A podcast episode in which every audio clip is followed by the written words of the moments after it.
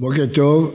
אה, התואר יוסף הצדיק ששגור מאוד בדברי המקובלים, פרשנים, דרשנים, מופיע אה, כבר בדברי חכמינו הראשונים, במסכת יומא מופיע אה, שאדם אה, שאומר שהוא היה טרוד ביצרו, שואלים אותו אם היית יותר מיוסף הצדיק בעולם הבא. זה פעם אחת בש"ס, זה מופיע במסכת חרץ, רבה, מסכתות הקטנות, אבות רבי נתן, ובמקומות אה, רבים מאוד במדרשים, ואחר כך במפרשים, ובעיקר בספרי המקובלים. התואר יוסף הצדיק רגילים אה, לחשוב שהוא זכה לו בזכות אה, עמידתו בניסיון הקשה של אשת פוטיפר.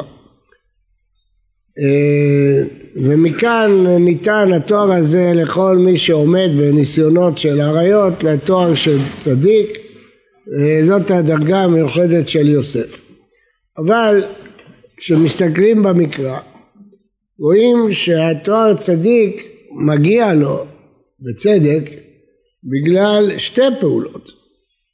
לא רק בגלל העמידה שלו בניסיון של אשת פוטיפר, אלא בגלל ההתנהגות שלו עם האחים לאחר שהוא התוודה עליהם.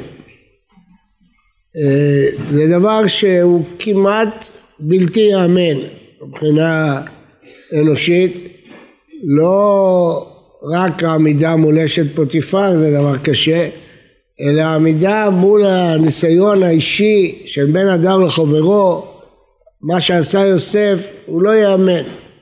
לא יאמן שלא רק שהוא לא נותר להם אה, הרי רצו להרוג אותו, רצו לרצוח אותו. מכרו אותו לעבד, הוא הושלך לבור, הוא היה שנים אסור. לא רק שהוא לא נותר להם טינה ולא שנאה, אלא הוא מרגיע אותם, הוא מפייס אותם. הוא אומר להם, לא אתם שלחתם אותי הנה, כי הם אלוקים, וידבר על ליבם, הוא מדבר על ליבם. זה דבר שכמעט לא ייאמן. על סמך מה אני אומר שזה כמעט לא ייאמן? לא רק על סמך הכרת אה, בני אדם, אלא אנחנו רואים שגם האחים של יוסף לא האמינו. כאשר יעקב אבינו מת, אז האחים היו בטוחים, לו יסתמנו יוסף, יגמול לנו רעה על כל מה שעשינו לו. ואז הם שולחים שליח להגיד דברים שלא היו. אביך ציווה לפני מותו, סע נא לפשע עבדי אביך וחטאתם, כי רעה גמלוך. אומר הרמב"ן, הרי יעקב, כפי הנראה עד סוף יומיו, לא ידע ממכירת יוסף. האחים בטח לא יגידו לו. יוסף בטח לא יגיד לשון הרע לאחים, ויעקב לא ידע. והאחים כשבאים ליוסף אומרים אביך ציווה לפני מותו, בוודאי גם אם הוא ידע הוא לא היה חושד ביוסף הצדיק שיגמול לאחיו רעה. אבל האחים כל כך לא מסוגלים להאמין שיוסף מחל להם. למה? כי זה דבר שבאמת קשה להאמין אותו. שאדם מצליח אה, להתגבר ולמחול על פשע כזה נורא וכפי שאמרתי לא רק למחול ולא רק לא לנטור אלא להפך גם להרגיע אותם. אבל הם לא האמינו בזה. הרי הפיוס והרגעה של יוסף הייתה הרבה לפני שיעקב מת והם ראו את זה. אז למה כשיעקב מת הם פחדו? כי הם לא האמינו, הם חשבו שזה מהסופה ולחוץ, לכבוד אבא שלו, הוא מרגיע אותם, אבל באמת הוא ינקום בהם, יגמול להם רעה. לא עלה על דעתם שיוסף בן אדם מסוגל להגיע לדרגות כאלה שהוא בכלל לא יזכור מה שהם עשו לו, להפך הוא יפייס אותם וירגיע אותם ויגיד להם זה לא אתם עשיתם את זה. ואין ספק שזה מכתיר אותו בתואר יוסף הצדיק. כי יש אנשים שמסוגלים לעמוד בניסיונות קשים שבין אדם למקום אבל בניסיונות שבין אדם לחברו, בניסיון שבמידות, הוא אומר לך אני לא יכול, איך אני יכול לא לכעוס עליו, איך אני יכול למחוק את זה, איך אני יכול, לא יכול. ויוסף הצדיק מלמד אותנו שאתה כן יכול. כמו שאתה יכול לעמוד בניסיון של אשת פוטיפר ולברוח, אתה גם יכול לעמוד בניסיון של לסלוח ושל לשכוח ושל למחות את הרעה שגמלו לך. ושני המעשים האלה הם מכתירים אותו בתואר של יוסף הצדיק. העמידה שלו המופתית בניסיון של אשת פוטיפר, למרות שהוא שילם על זה מחיר כבד, והעמידה המופתית שלו בניסיון עם אחיו, לפייס את אחיו. שני הדברים האלה יחד, הבן אדם למקום ובן אדם לחברו, מצליחים אה, להכתיר אותו בצדק בתואר יוסף הצדיק. אבל אני רוצה להוסיף עוד עניין שלישי ולהסביר למה אני מוסיף אותו. יש עוד דבר שיוסף הצדיק עשה. כשהוא נטה למות, הוא השביע את אחיו. הנה אנוכי מת, אלוהיכם פקוד יפקוד אתכם והוציא אתכם מהארץ ועליתם את עצמותיי מזה איתכם. הוא השביע אותם להעלות את העצמות שלו איתם. וישנם מדרשים רבים שמתארים כמה היה דבר קשה למצוא את ארונו של יוסף. כי החרטומים אמרו לפרעה שבלי העצמות של יוסף ישראל לא יצאו ממצרים. לכן הטביעו אותו בנהר וכן הלאה, כמה וכמה מדרשים מפורסמים יש בזה. ואנחנו יודעים שלאורך כל המדבר, 40 שנה, משה רבנו נושא על כתפו את הארון עם עצמות יוסף. זה לא דבר קל. אנחנו יודעים שמה שכתוב, ויהי אנשים אשר היו טמאים לנפש אדם, אלה נושא ארונו של יוסף. מדוע? מדוע הפעולה הזאת היא כל כך חשובה, את זה נסביר לכמן. אבל קודם כל נבין את הסיטואציה. יוסף הוא משנה למלך, למלך פרעה.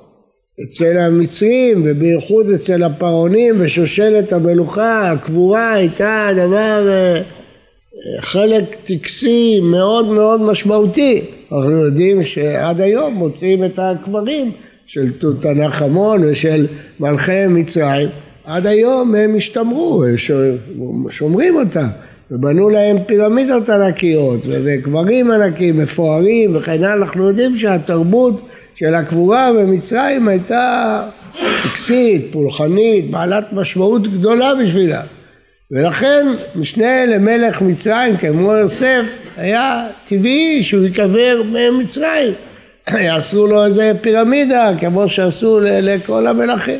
אבל יוסף מצווה את אחיו, לא, אתם תיקחו את עצמותיי מזה איתכם, תקברו אותי בארץ ישראל. ולמה הדבר הזה כל כך חשוב? לצורך זה אנחנו צריכים להרחיב קצת את היריעה ולהבין את העלילות של הקדוש ברוך הוא. הרי כל מי שמסתכל על הסיפור רואה את העלילות. העלילות זה מילה שהרמב"ם פירש אותה, כתובה בתנ"ך. הודיעו בעמים עלילותיו, אנחנו רואים כל בוקר בתחילת התפילה. מסביר הרמב"ם מה זה עלילה, זה כשהקדוש ברוך הוא עושה כל מיני דברים שלא רואים את הפשר שלהם ואת התוצאה שלהם רק אחרי זמן רואים מה הקדוש ברוך הוא תכנן בעלילות שלו. הרמב"ם מדבר את זה על 40 אה, שנה הליכה במדבר וזה היה מין עלילה כי ישראל לא היו מוכנים להיכנס לארץ באופן נפשי מיד וכאן כשאנחנו מסתכלים פרשת עשה ואחיו אנחנו שואלים בשביל מה היה הרעב אם היה כבר רעב למה הקדוש ברוך הוא גילה את זה לפרעה שיפתור את הבעיה. ממה נפשך? אם הייתה גזירה של רעב, למה הוא גילה לפרעה כדי שיאסוף אוצרות בימי הסבה וישאיר לימי הרעב? מה, מה הפשר של החלום הזה והפתרון שלו? אבל אנחנו יודעים שהכל היה עלילות השם יתברך כדי להוריד את ישראל למצרים בדרך של כבוד ולתת להם פרנסה בארץ גושן כל ימיהם אילולא הקדוש ברוך הוא היה מודיע את פתרון החלום ליוסף, אז עם ישראל היה גובע ברעב במצרים. היה יורד למצרים והיה רעב, ואם לא היה חלום ופתרונו, היה גובע ברעב. לא זו בלבד, הקדוש ברוך הוא הצליח באמצעות הרעב הזה להביא את כל הכסף של האזור, העולם, המדינות הקרובות למצרים. כל העולם באו לשבור אוכל, וכל הכסף הזה הצטבר במצרים. לשם מה? לשם מה? אנחנו יודעים לשם מה. והקדוש ברוך הוא הבטיח לאברהם, ואחרי כן יצאו ברכוש גדול. והוא צריך לקיים את ההבטחה שלו, ולצורך זה הוא לא מסתפק ברכוש של מצרים, הוא דואג שמצרים תאסוף את הכסף מכל העולם ויהיה אוצרות ענקיים כאלה בבית המלך שאותם ייקחו ישראל כשיצאו ממצרים בזה יבנו את המשכן, כל הזהב והכסף שהיה במשכן. אז אנחנו רואים איך הקדוש ברוך הוא מתכנן את העלילות שלו לטובת עם בחירו. אגב, לא נאריך בזה, אבל מי שיש לו עיניים פקוחות רואה שגם היום זה כך. הקדוש ברוך הוא מתכנן כל מיני דברים שבסופו של דבר מביאים להצלחה של עם ישראל בארץ ישראל, אבל זה לא שיחה לעכשיו. אבל מה שאנחנו רואים זה שהייתה תוכנית מוסדרת מאת הקדוש ברוך הוא איך להתחיל את גלות מצרים. אבל מה התפקיד של יוסף באותו סיפור? לשם מה היה צריך את כל העלילה הזאת של יוסף? מה, איך היא משתלבת בתוכנית הגדולה של הקדוש ברוך הוא? אז בפשטות, זה מה שאנחנו רגילים לחשוב, זה דרך להוריד את יעקב למצרים. אילו היה הקדוש ברוך הוא אומר ליעקב לרדת למצרים, הוא היה מסרב, הוא אומר לא, אני לא, מה פתאום שאני ארד למצרים? אבל לראות את יוסף, לא הייתה לו ברירה, הוא ירד למצרים, למרות שהוא פחד. הם ידעו, כולם ידעו את הגזרה של אברהם אבינו. ויעקב פחד, עד שהקדוש ברוך הוא הבטיח לו, אל תירא מידע מצרימה, אנוכי אינך מצרימה, אנוכי אהלך גם הלא. אז התשובה היא שכל פרשת יוסף ואחיו זה להוריד את יעקב למצרים, אבל זה לא רק זה, זה הרבה הרבה יותר מזה. כשאנחנו מסתכלים על יוסף כפי שפתחתי שהוא יוסף הצדיק מה המשמעות? למה התורה כל כך מדגישה ומעריכה בעמידה של יוסף בניסיונות שלו? התשובה לפי עניות דעתי היא פשוטה יוסף נועד להכין את עם ישראל במצרים לא רק להוריד אותם למצרים מפני הרעב ולא רק לדאוג שיהיה להם אוכל בארץ גושן, זה ודאי נכון, אבל הרבה יותר מזה, יוסף נועד להכין שעם ישראל לא יתבולל במצרים. צריך להבין ששבעים נפש יורדים לאומה תרבותית גדולה, מעצמה, שבעים נפש, מה זה שבעים נפש? זה כמו שהוא א' פה. יורדים למעצמה ענקית, מה יישאר מהם? מי ישמור להם על הגחלת? מי ישמור להם על המסורת? מי ישמור אותם בכלל כיהודים? הרי מיליונים נטמעים, אנחנו יודעים מה היה ברוסיה ב-70 שנה בימי הקומוניזם. איפה נעלמו כל הבני ישיבות שם, היהודים והחסידים וכן הלאה. אנחנו יודעים מה זה התבוללות, אנחנו יודעים מה קורה באמריקה היום, אנחנו יודעים מה קורה באירופה בהתבוללות. וזה כשיש עם יהודי ויש תורה ויש מצוות ויש מסורת, אבל אז לא היה כלום. הייתה להם מסורת מאברהם ויצחק, זהו, שבעים נפש עם מסורת מעורפלת כזאת, יורדים למצרים, למעצמת, מה הסיכוי שהם ישמרו על עצמם? מה הסיכוי? אין, אין סיכוי אה, הגיוני ששבעים נפש יצליחו להחזיק מעמד, הם ילכו לחברה ויתבוללו שם במהירות עצומה, מה האפשרות? ולכן הקדוש ברוך הוא שלח את יוסף, מדוע? יוסף תפקידו לא רק להוריד אותם למצרים, תפקידו להכין אותם רוחנית בדוגמה של הצדקות שלו. למה? כי מה הניסיונות שיעמדו ישראל במצרים? כמובן הניסיונות באריות וזה יוסף הצדיק מלמד אותם שאפשר לעמוד בניסיון מול אשת פוטיפר שאתם יכולים לעמוד, זה כמו שהחכמים העידו עליהם ששבטי יה שראובן ושמעון יאגדו, ראובן ושמעון יצרו, שלא יתבוללו במצרים, באריות. זה אה, יוסף הצדיק לימד אותה, אבל זה לא מספיק. יוסף בעמידה שלו, בניסיון שבין אדם לחברו, וזה שהוא לא נותר לאחים ולא נוקם, ודאי לא גומל להם רעה, אלא מפייס אותם, לימד אותם להיות יחד במצרים, לימד אותם איך אפשר להיות יחד גם בתוך אומה כזאת גדולה. ויוסף הצדיק לימד אותם שאפשר לעשות את זה בין בחברת השפע, שהוא היה משנה למלך, ובין כשהוא היה בבור בבית האסורים, תמיד שם שמיים על פיו. וירעדיי, האלוהים יענה את שלום פרעה. כן, הלא לאלוקים פתרונים ספרו נא לי, תמיד שם שמיים שגור על פיו, בין הוא בבור ובין אם הוא משנה למלך בארמון, עם טבעת של המלך, כן, רק הכיסא יגדל ממך. בשני המצבים האלה הוא נשאר יוסף הצדיק, וזה מה שצריך להכשיר את ישראל בגלות, הסיפורים על יוסף. יוסף צריך להוביל אותם עד יום מותו ואחרי זה בצדקות שלו, ללמד אותם איך אפשר לשרוד במצרים בצדקות. ועכשיו נבין את מה שאמרתי לכם, שהמעשה השלישי של הצדקות שלו, שהוא ביקש לא להיקבר במצרים, לא עשו לו פירמידה, הוא רוצה את עצמות יוסף, תוציאו אותי לארץ ישראל, זה גם הצדקות הגדולה של יוסף, שהוא מבקש שיעלו אותו לארץ ישראל, למה?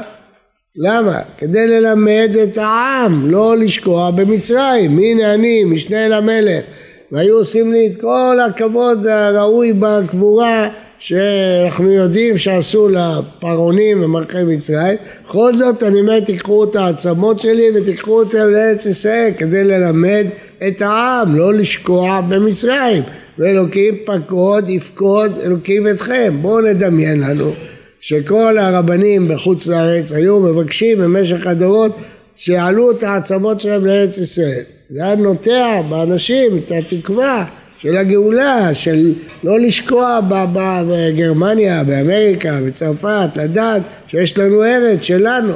זה מעשה הצדקות השלישי של יוסף, שהוא בא להכין את עם ישראל בגלות מצרים. העמידה שלו דבקותו באלוקים, בין כשהוא בבית הבור, בין כשהוא משנה למלך, בין בניסיונות בין אדם למקום, בעריות, בין ניסיונות בין אדם לחברו, לאחד את המשפחה, ובין ברצון לקבר בארץ ישראל, בשלושת הדברים האלה הוא היה עמוד אש לפני עם ישראל שיורד למצרים, ואין ספק שהדמות שלו השפיעה בצורה דרמטית על עם ישראל, הוא היה ביניהם האיש המוביל אותם, לא ראובן ולא יהודה וגם לא יעקב, יוסף הוא זה שהוביל אותם לאורך כל התקופה עד שהוא מת. ואין ספק שגם אחרי מותו הסיפורים של יוסף הובילו אותם. וזה היה התפקיד שלו ועל זה הוא נקרא יוסף הצדיק כדי להנחיל את זה לגלות. עכשיו אנחנו יודעים שגלות מצרים היא לא רק אירוע היסטורי שהיה פעם, אלא כפי שהרמב"ן אומר לנו, מעשה אבות סימן לבנים. דהיינו, זה בעצם מדבר על כל הגלויות. הדרשנים אומרים שבכל גלות יש מגלות מצרים. אגב, למה? מסבירים כי הגלות קוצרה מ-400 ל-210, אז לכן נשאר לנו איזו יתרה שאנחנו משלימים אותה בכל הגלויות האחרות, כך אומרים חכמי הסוד. בכל אופן, הגלות מצרים היא מבטאת לא רק אירוע היסטורי ארעי, אלא אירוע לדורות. ומה זה מלמד? איך ישראל ישרדו בגלות כעם. הרי הם יעמדו בדיוק באותם ניסיונות. במצבים מסוימים הם יהיו משנה למלך, כמו אברבנאל, כמו יהודים בגרמניה שהגיעו להיות שר חוץ, שהגיעו להיות מראשי פרופסורים באוניברסיטאות בגרמניה, או כמו בימי נפוליאון בצרפת שהוא העלה את היהודים ועשה להם סנהדרין וכן הלאה. ומצד שני הצ, הצד ההפוך, כאשר רדפו אותם בצפון אפריקה ובפולין ובמקומות שהגויים, אוקראינה, רדפו את ישראל ועינו אותם, הדברים האלה זה מקבילים לתקופה של בית הבור. ויוסף הצדיק מלמד איך אפשר לעמוד בגלות הזאת, איך אפשר לעמוד גם כשאתה בבית הבור, גם כשאתה במשנה למלך, אם עם ישראל עולה לגדולה, אומר הנה אני הייתי משנה למלך, אבל שם שמיים לא זז מפי. אם ישראל בשפל המדרגה, אומרים הנה יוסף הצדיק היה בבית אבו ועדיין נשאר נאמן להשם. והנאמנות לארץ ישראל, ועליתם את עצמותיי מזה איתכם. זה התואר יוסף הצדיק. לכן הוא זוכה לתואר הזה. ומלבד כל הדבר הזה, כל הדבר הלאומי, זה גם צריך ללמד אדם באופן פרטי. הרי המסרים של התורה הם לא רק מסרים לאומיים, הם גם מסרים חינוכיים אישיים. אומרים לך, הנה, יוסף הצדיק עמד בניסיון, הוא היה בן 17, היה לו אותם כוחות שיש לך, אותם כוחות הגוף שיש לך, אותם תאוות שיש לך, אותם תשוקות שיש לך, הוא עמד בניסיון קשה והצליח, וינוס החוצה. אז תדע שיש לך כוח, אתה תוכל לנוס החוצה, יש לך כוח. עובדה שיוסף עמד בזה. אותו דבר הניסיון השני, אתה צריך לדעת גם לעמוד בניסיון השני, לא להתפתות, לנקום ולנטור ולהגיד אני לא יכול, לא מסוגל לסלוח, אני לא יכול להגיד כל ערב אני מוחל וסולח.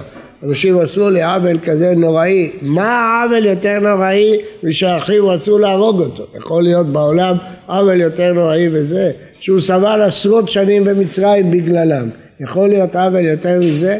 והוא לא רק שלא גומל רעה כמו שאמרנו, ולא רק שלא נוקם, ולא רק שלא נותן, הוא מרגיע אותם, הוא מפייס אותם עד שהם לא מאמינים, לא, בעצמם. אז מה התורה מלמדת? שזה אפשרי. הנה יוסף הצדיק הצליח, אז גם אתה יכול להצליח. אתה יכול לעבוד בניסיון הזה. והמשפט הזה, אני לא יכול לסלוח לו, לא, הוא לא קיים, הוא לא נכון. אתה יכול, אתה לא רוצה, משהו אחר. אתה לא רוצה, זה משהו אחר. מפורסם אה, סיפור שגוי אחד, העגלה שלו טבעה בבוץ ועבר שם איזה יהודי, אז הוא אומר, תעזור לי להוציא את העגלה מהבוץ. אז הוא אמר לו, אני לא יכול. הוא אמר לו, אתה יכול, אתה לא רוצה. אז הוא למד את זה לכל החיים. אתה יכול, אם יוסף הצדיק יכול, אז גם אתה יכול. אתה לא רוצה, זה משהו אחר, אבל אתה יכול. המידה ההירואית של יוסף הצדיק בשני המעמדים הגבוהים האלה מלמדת אותנו. וגם הדבר השלישי, יוסף רוצה שיעלו את עצמותיו לארץ ישראל. אדם צריך לדעת שגם אם הוא נמצא בארצות נכר יפות ומפוארות וכן הלאה, לדבוק בארץ ישראל, לא לעזוב אותה. יוסף הצדיק עוזב את כל הפאר שמבטיחים לו בקבורה במצרים כדי שיקחו את העצמות שלו לארץ ישראל.